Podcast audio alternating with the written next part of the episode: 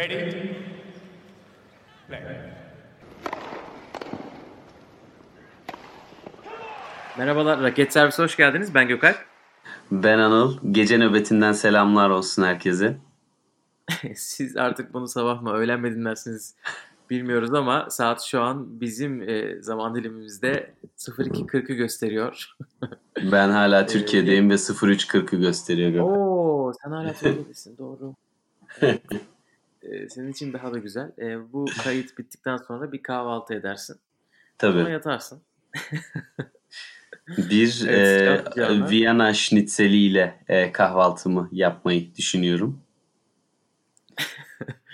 E, Ro- Evet, Rosie'nin Rosie'nin e, bahisten kazandığı 12 poundla almış olduğu şnitzeli e, bana ısmarlarsa eğer daha da tatlı olur. Buradan kendisine de sevgilerimi ileteyim. Evet Rosie Report bayağı heyecanlı bir şekilde maçı takip etti. Biz de şimdi maçı yeni bitirdik. Dominic Thiem Alexander Zverev'i 5 sette geçti. 2-0 geriden geldi. Ee, Dominic Thiem'in nerede olduğunu bilmiyorduk. Sonra geldi. Sonra Zverev gitti. Sonra ikisi beraber bir ara kortta bulundular. Maçın sonu gerçekten çok heyecanlıydı. Evet. Ee, ve 5. sette tiebreak'te bitti. Yani hem 5. sete gitmesi hem de 5. setin 6-6'ya gitmesi e, maç gerçekten çok çok büyük bir hikaye haline dönüştü. Başlarda kalitesinden çok memnun değildik ama sonları çok heyecanlı oldu. Ve Dominic Thiem ilk defa Grand Slam kazandı. Ee, nasıl başlayalım? İstiyorsan bir genel ne düşündüğünü sorayım. Ondan sonra ilk iki seti konuşalım. Sonra işler nasıl değişti onu konuşalım. Ya e, ben açıkçası 2-0'dayken maç ve Zverev 3. sette de hafiften avantajı eline geçirir gibi göründüğü zaman bile e, arkadaşlarla yazışırken Alman olanlarla o kupayı kaldırmadan ben bu çocuğun şampiyon olacağına inanmıyorum. Her an bir e, choking olayıyla Zverev'in yapabilir diye konuşuyorduk. E, biraz da öyle oldu. Müge Anlı'nın da desteğiyle kendisi e, team'i maça buldu, getirdi ve koydu. Ama şunu söyleyeyim. Yani Zverev açısından kötü tabii. Fakat ben çok memnunum durumdan.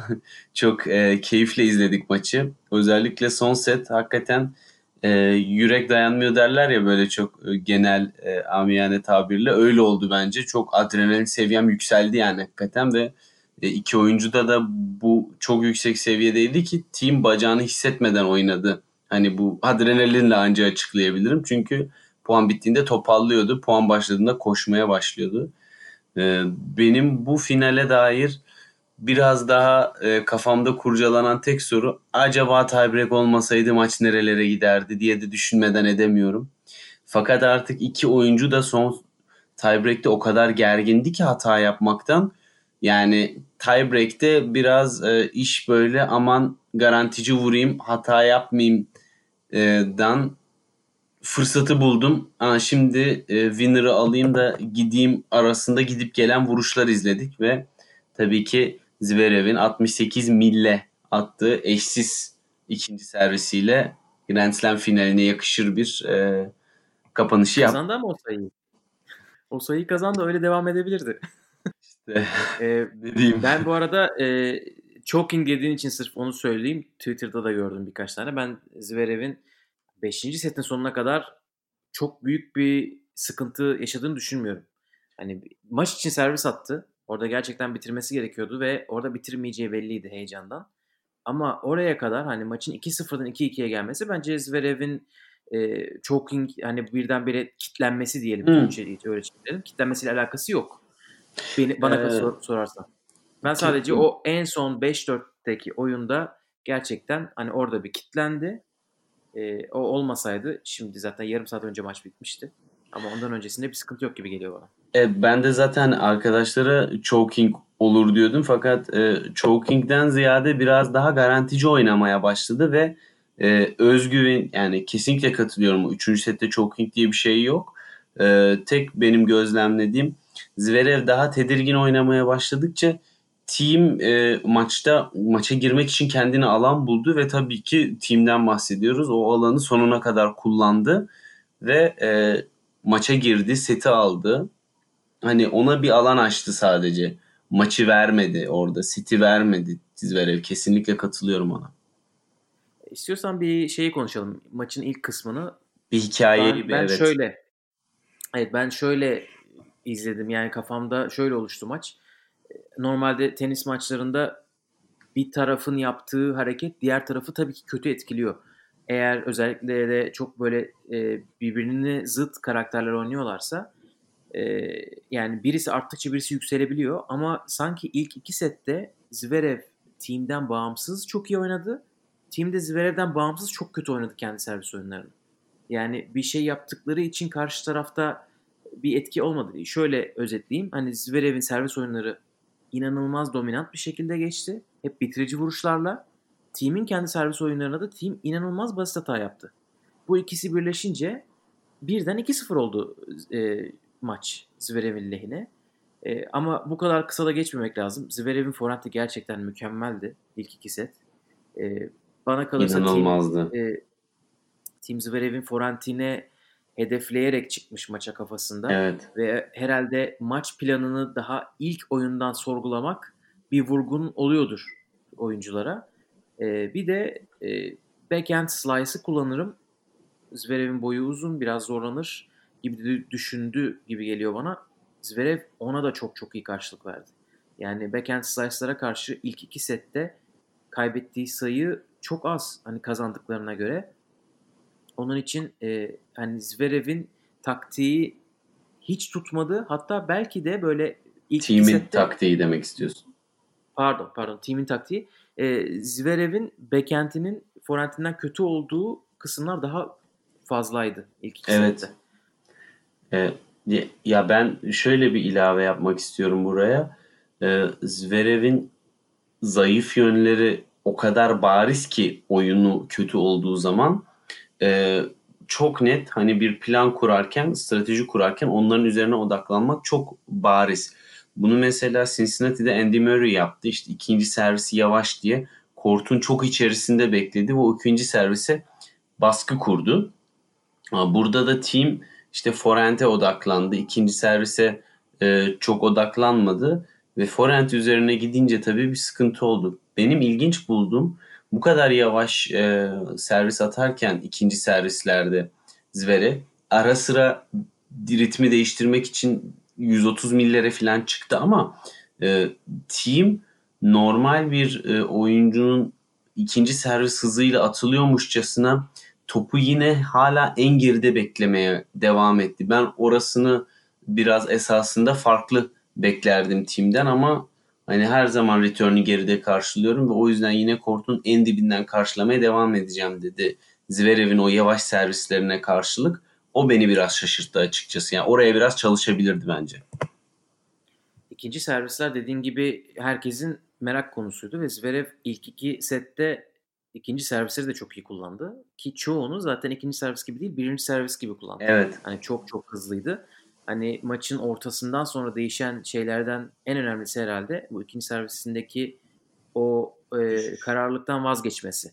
Evet. Çünkü T'ye attığı o bazı 130 millik 135 millik servisler vardı. Onlar ilk servis yani. Hatta Evet. 5. sette bile bu e, servis kırmadan önceki oyununda Evet. iki defa e, ilk servisten daha hızlı ikinci servis attı. Evet. Ama işte 29 orada- mili görmüştü hatta yani hatırlıyorum. Aynen ilk servisi 129, ikincisi 131 falan filan olduğu sayılar vardı. Yani. Yani sırf bunlardan dolayı ara o kadar açıktı bence. Ama işin tabii madalyonun bir de Dominic Team tarafı var. Dominic Team tanınacak halde değildi ilk iki Evet. Yani bu kadar basit yaptığını ben hatırlamıyorum. Ya bana böyle hakikaten bu e, bacağındaki sakatlıktan dolayı mı diye böyle başta düşündürdü.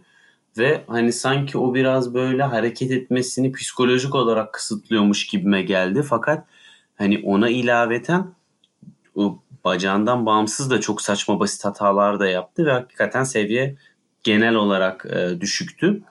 E, onun haricinde bir de şu izlenime kapıldım. 2-0'a e, düştükten sonra hani ya artık ne olacaksa olsun e, deyip hani o ağrıyla oynamaya ve ağrıyı inkar ederek oynamaya başladı bence ve o yüzden daha iyi hareket etmeye başladı. Ki 5. sette artık e, topallama evresine geçmesinin de bir sebebi de buydu bence yani. O ağrısının üstüne gide gide oynadı ve vücut muhtemelen yarın epey bir dinlendirecektir o ayağını diye tahmin ediyorum. Aynen Roma'dan çekildi. Herkesi şaşırtarak. Zverev de çekildi. Ben, aynen. Ben ilk iki sette Dominic Thiem'in aslında sakatlık, vücut sıkıntısından ziyade tamamen psikolojik bir sıkıntı yaşadığını düşünüyorum. Büyük ihtimalle omzunda çok büyük yük vardı. Olabilir evet. Bir Grand Slam finaline hem e, favori olarak çıkıyor hem de e, bunu da kazanamazsa Grand Slam finallerinde 4 kaybı gelecek. Kiz ve Andy Murray. Aynen Andy Murray gibi olacak. Ee, onun da şakasını yapmıştı maçtan önce. Evet. Andy'yi ararım eğer bunda kaybedersem diye. İş oralara gitmedi. E, final yani yavaş yavaş 3. sette döndü e, ama Zverev koptu oyundan. E, forentler yani rally'deki üstünlük en azından team'e geçti. E, team'in servisleri daha iyi hale geldi ama herhalde en önemlisi o bacakları çok iyi çalışmaya başladı ilk iki sete göre. E, Zverev biraz bu arada ilk iki setteki şeyini de övmedik. Bu e, bütün kort oyununu, ileri doğru gelişini çok fazla fileye geldi ve evet. e, yani gerçekten maç totalinde bile e, net e, puanları 66'da 43. Bu çok çok iyi bence. %65 ile e, sayı çıkarmış nette. 66 defa gelmesi takdire şayan. Yani böyle e, team çok çok fazla top kaçırdı. Bir de şeye girememişti tabii. E, o maça girememişti. Evet. Maça girememişti. Orada çok fazla çıkması gerçekten e, Zverev'in ekmeğine yağ sürdü. Ama sonra onları biraz azalttı 3 ile 4'te. 5'te tekrar artırınca e, başa baş geçti zaten. Onu evet. da bir vurgulamak lazım. Orada çok e, bir detay ekleyeyim sadece. Ben Zverev'in kesinlikle bu fileye gelme stratejisini çok doğru buluyorum ve aslında puan planlaması ve stratejisi Zverev'in doğruydu. Ee, ki dördüncü seti de alabilirdi. Beşinci seti de alabilirdi. Burada e, iki seti de kaybetmesinin önündeki temel sebep e, doğru stratejiyle ama çok temkinli vuruşlar yapmasıydı. Bu da e, team'in sayılarda e, müdafayı arttırabilmesi ve sayıyı devam ettirebilmesi ve e, passing shot için hem zaman hem e, fırsat e, yaratıyordu. Çünkü çok volesinde köşeye git çok fazla zorlamayayım deyip daha ortalara attığı veya e, köşeye vurduğu zaman hızını e, düşürdüğü çok fazla e, vole vuruşu vardı ve bunlarda team çok fazla e, passing shot aldı veya e, sayıyı devam ettirdi ve sonunda puanı aldı.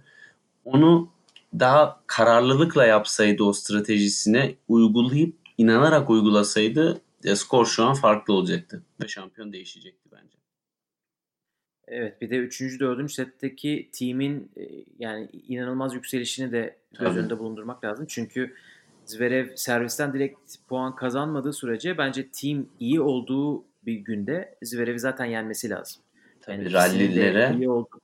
Aynen ralliye girdiyse top o sayı neredeyse %60-70 team'in olması lazım.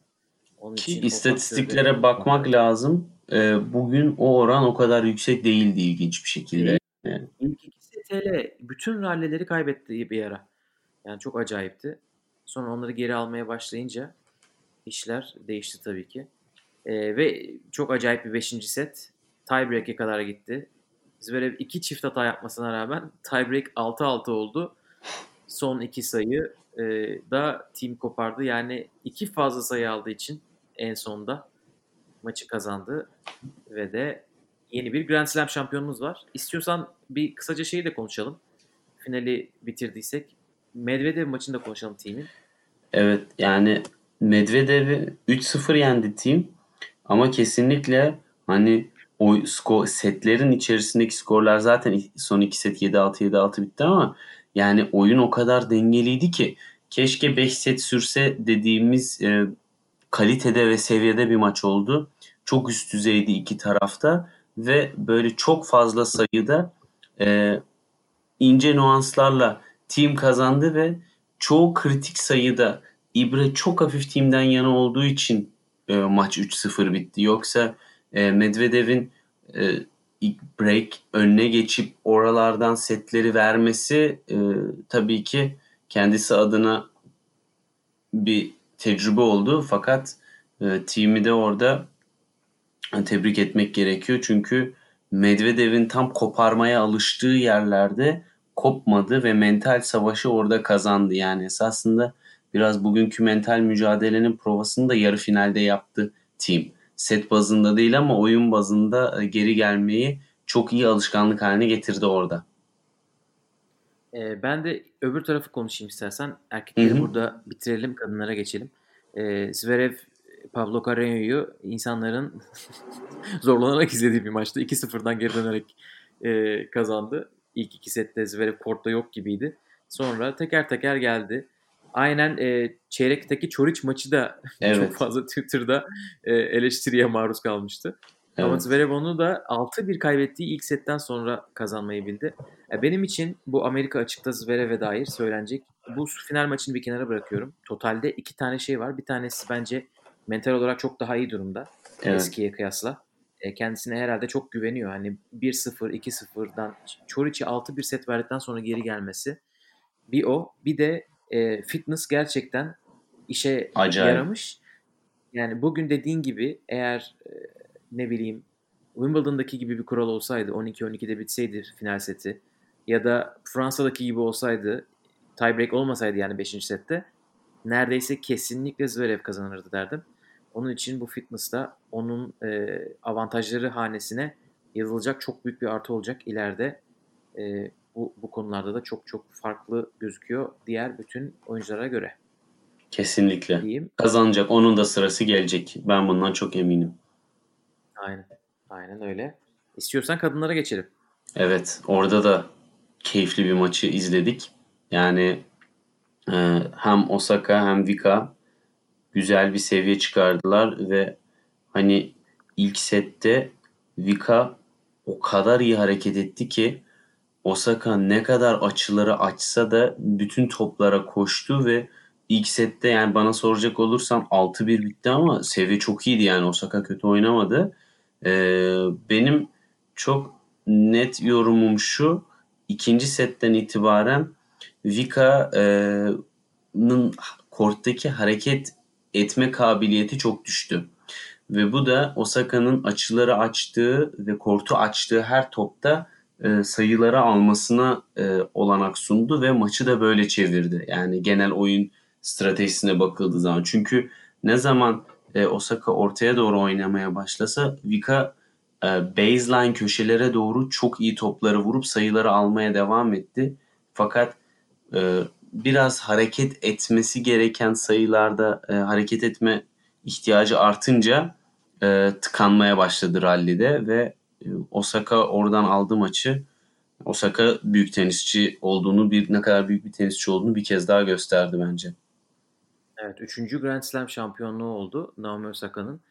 Burada 2018'de kazanmıştı Amerika'da. Sonra hemen Amerika'dan sonra Avustralya'yı kazanmıştı 2019'da. Evet. Şimdi bu da 3. Grand Slam'i bu sefer de seyircisiz bir tribünde e, onların önünde kupasını kaldırdı.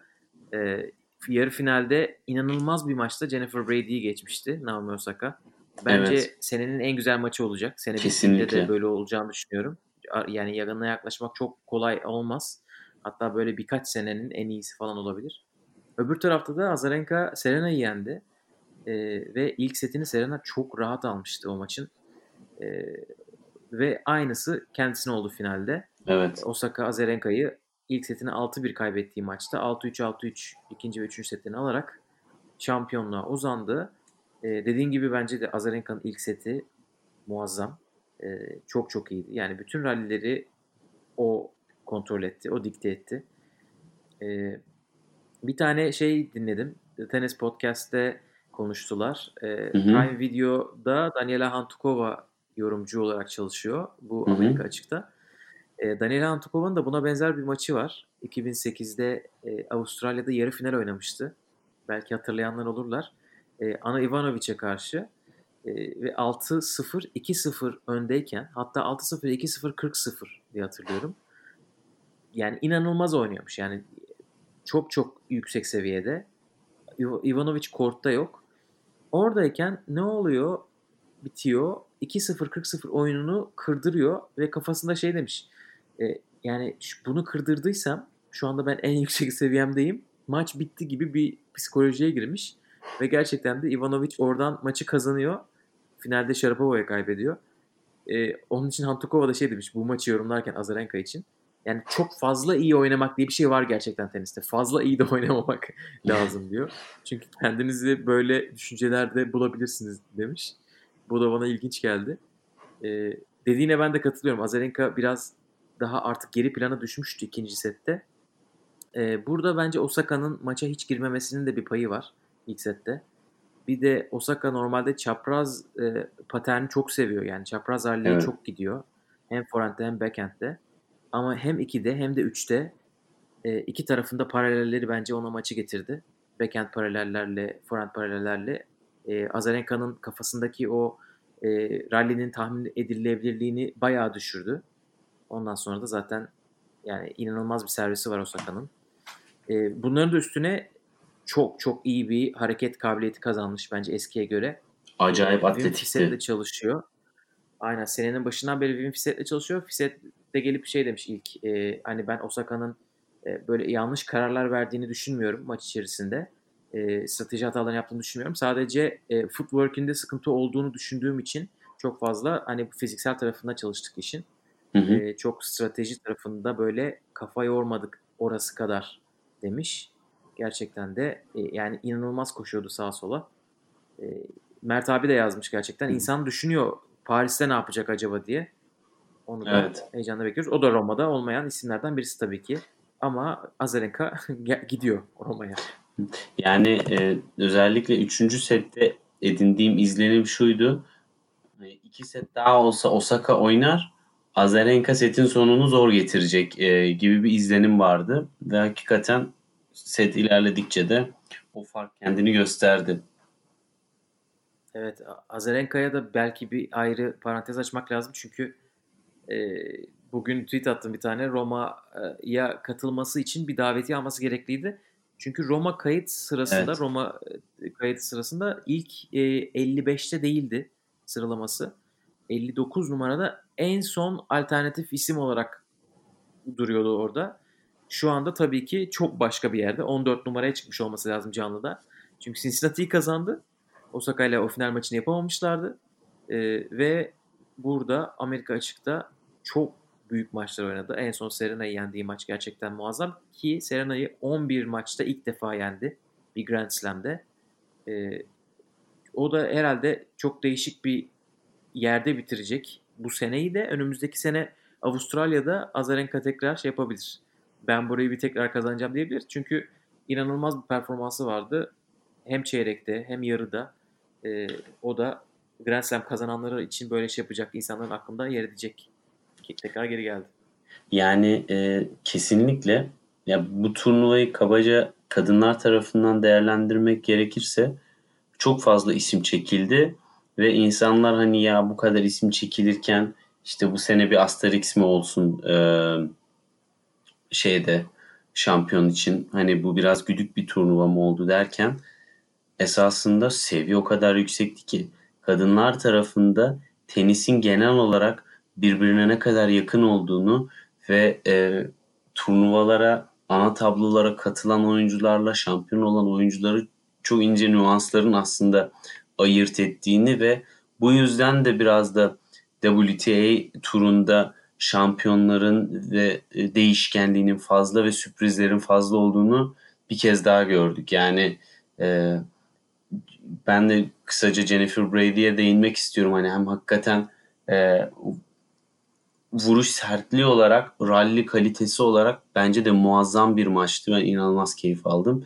E, Jennifer Brady hani o kadar sene geli, geliyor bir potansiyeli var filan deyip burada böyle bir patlama yaptı e, bu pandemi sonrasında Lexington'dan başlayarak ve hani biraz kendini alan bulduğunda bir kadın yani WTA'de bir kadın tenisçinin ne kadar bir anda ön plana çıkabildiğini de görmüş olduk. O açıdan e, WTA her zaman sürprizlere açık olmaya devam edecektir bence.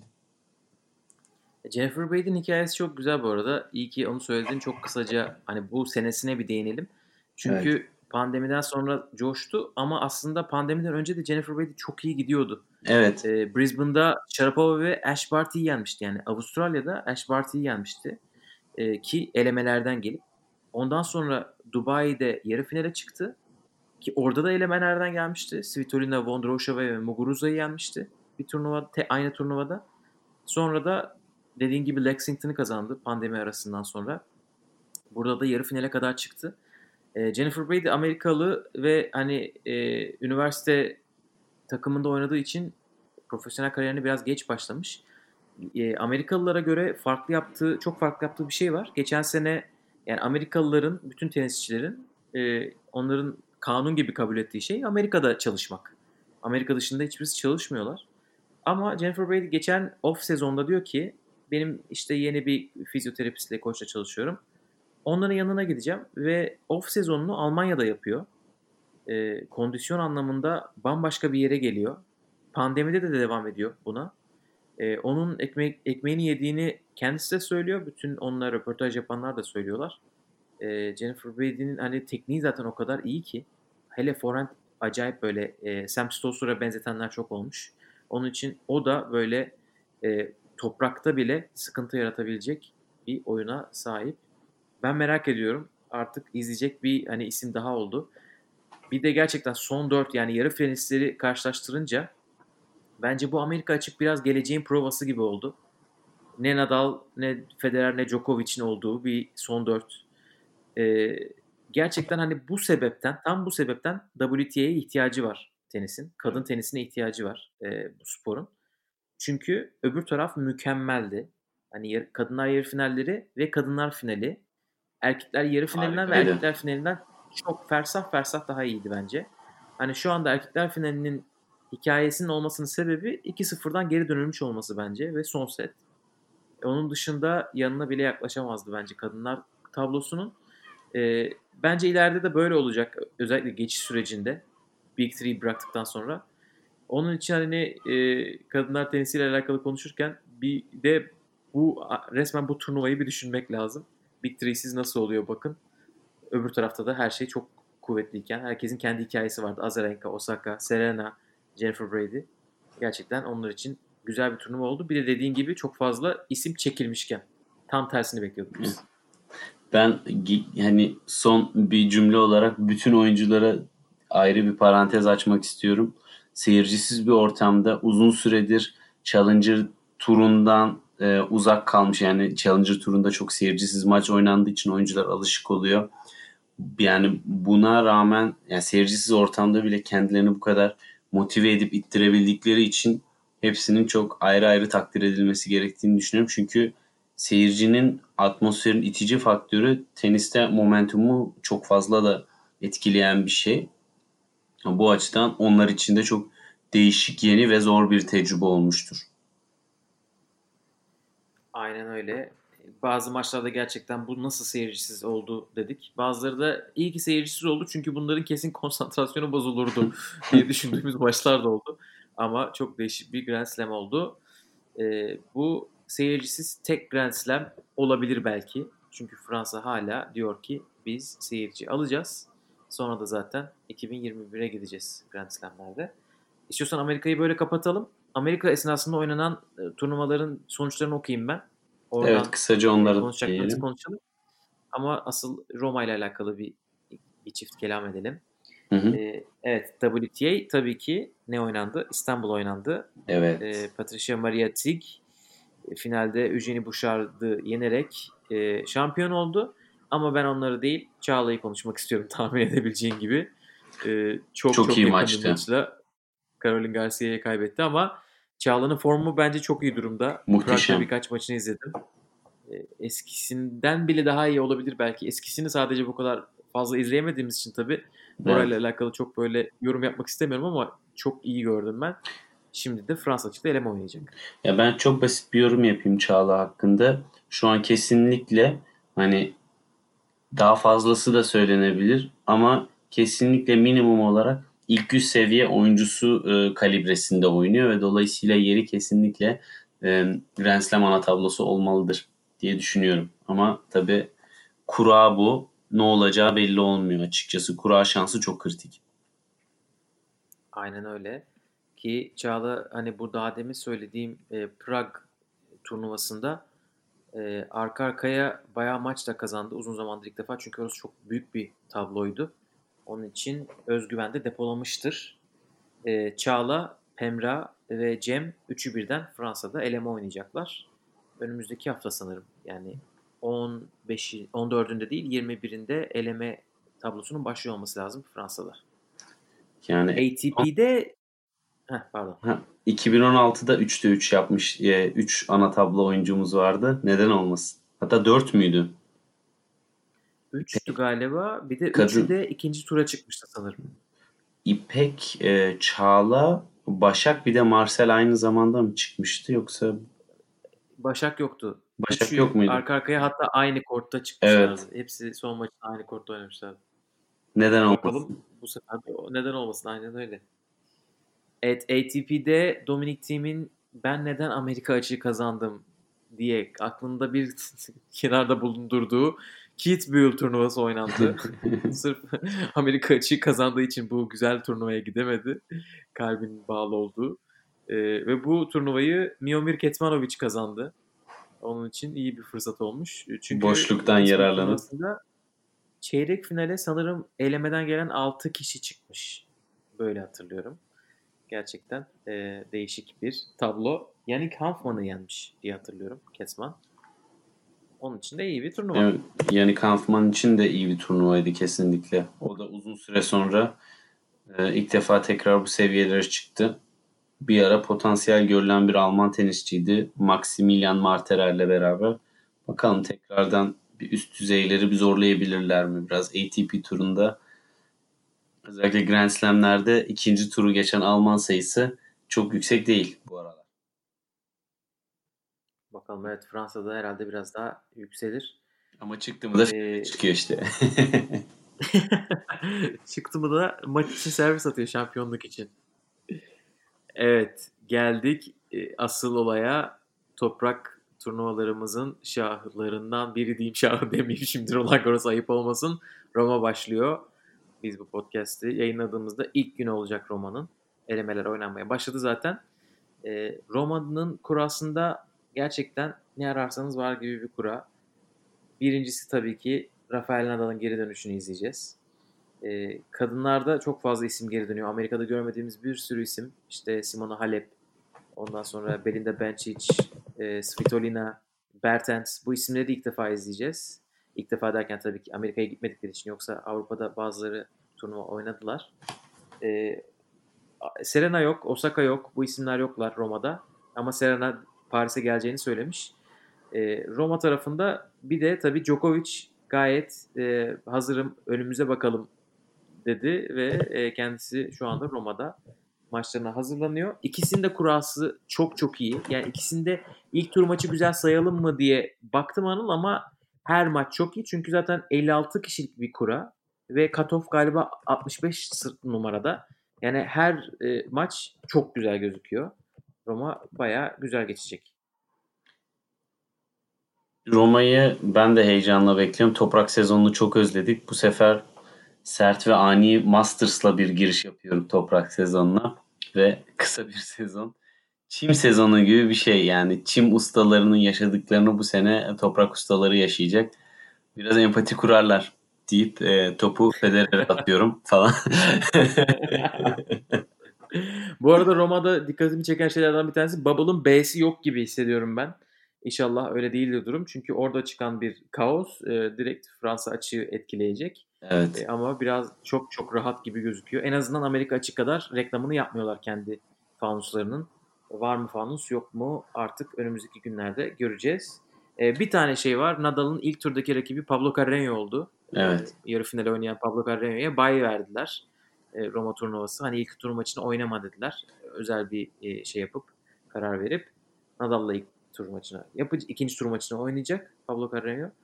Öbür taraflarda da çok güzel maçlar var. Benoît Per bugün gördük e, turnuvaya bir sallamış. Ben Covid oldum anca geldim salı günü oynatın dedim oynatmıyorsunuz diye. Onun maçını pazartesiye koymuşlar ve gel, gelin görün kimle oynuyor. Yannick Sinner'le oynuyor. Bir de hiç de kolay bir maç değil. böyle böyle işte e, esen bir giriş yapıyor Roma turnuvası.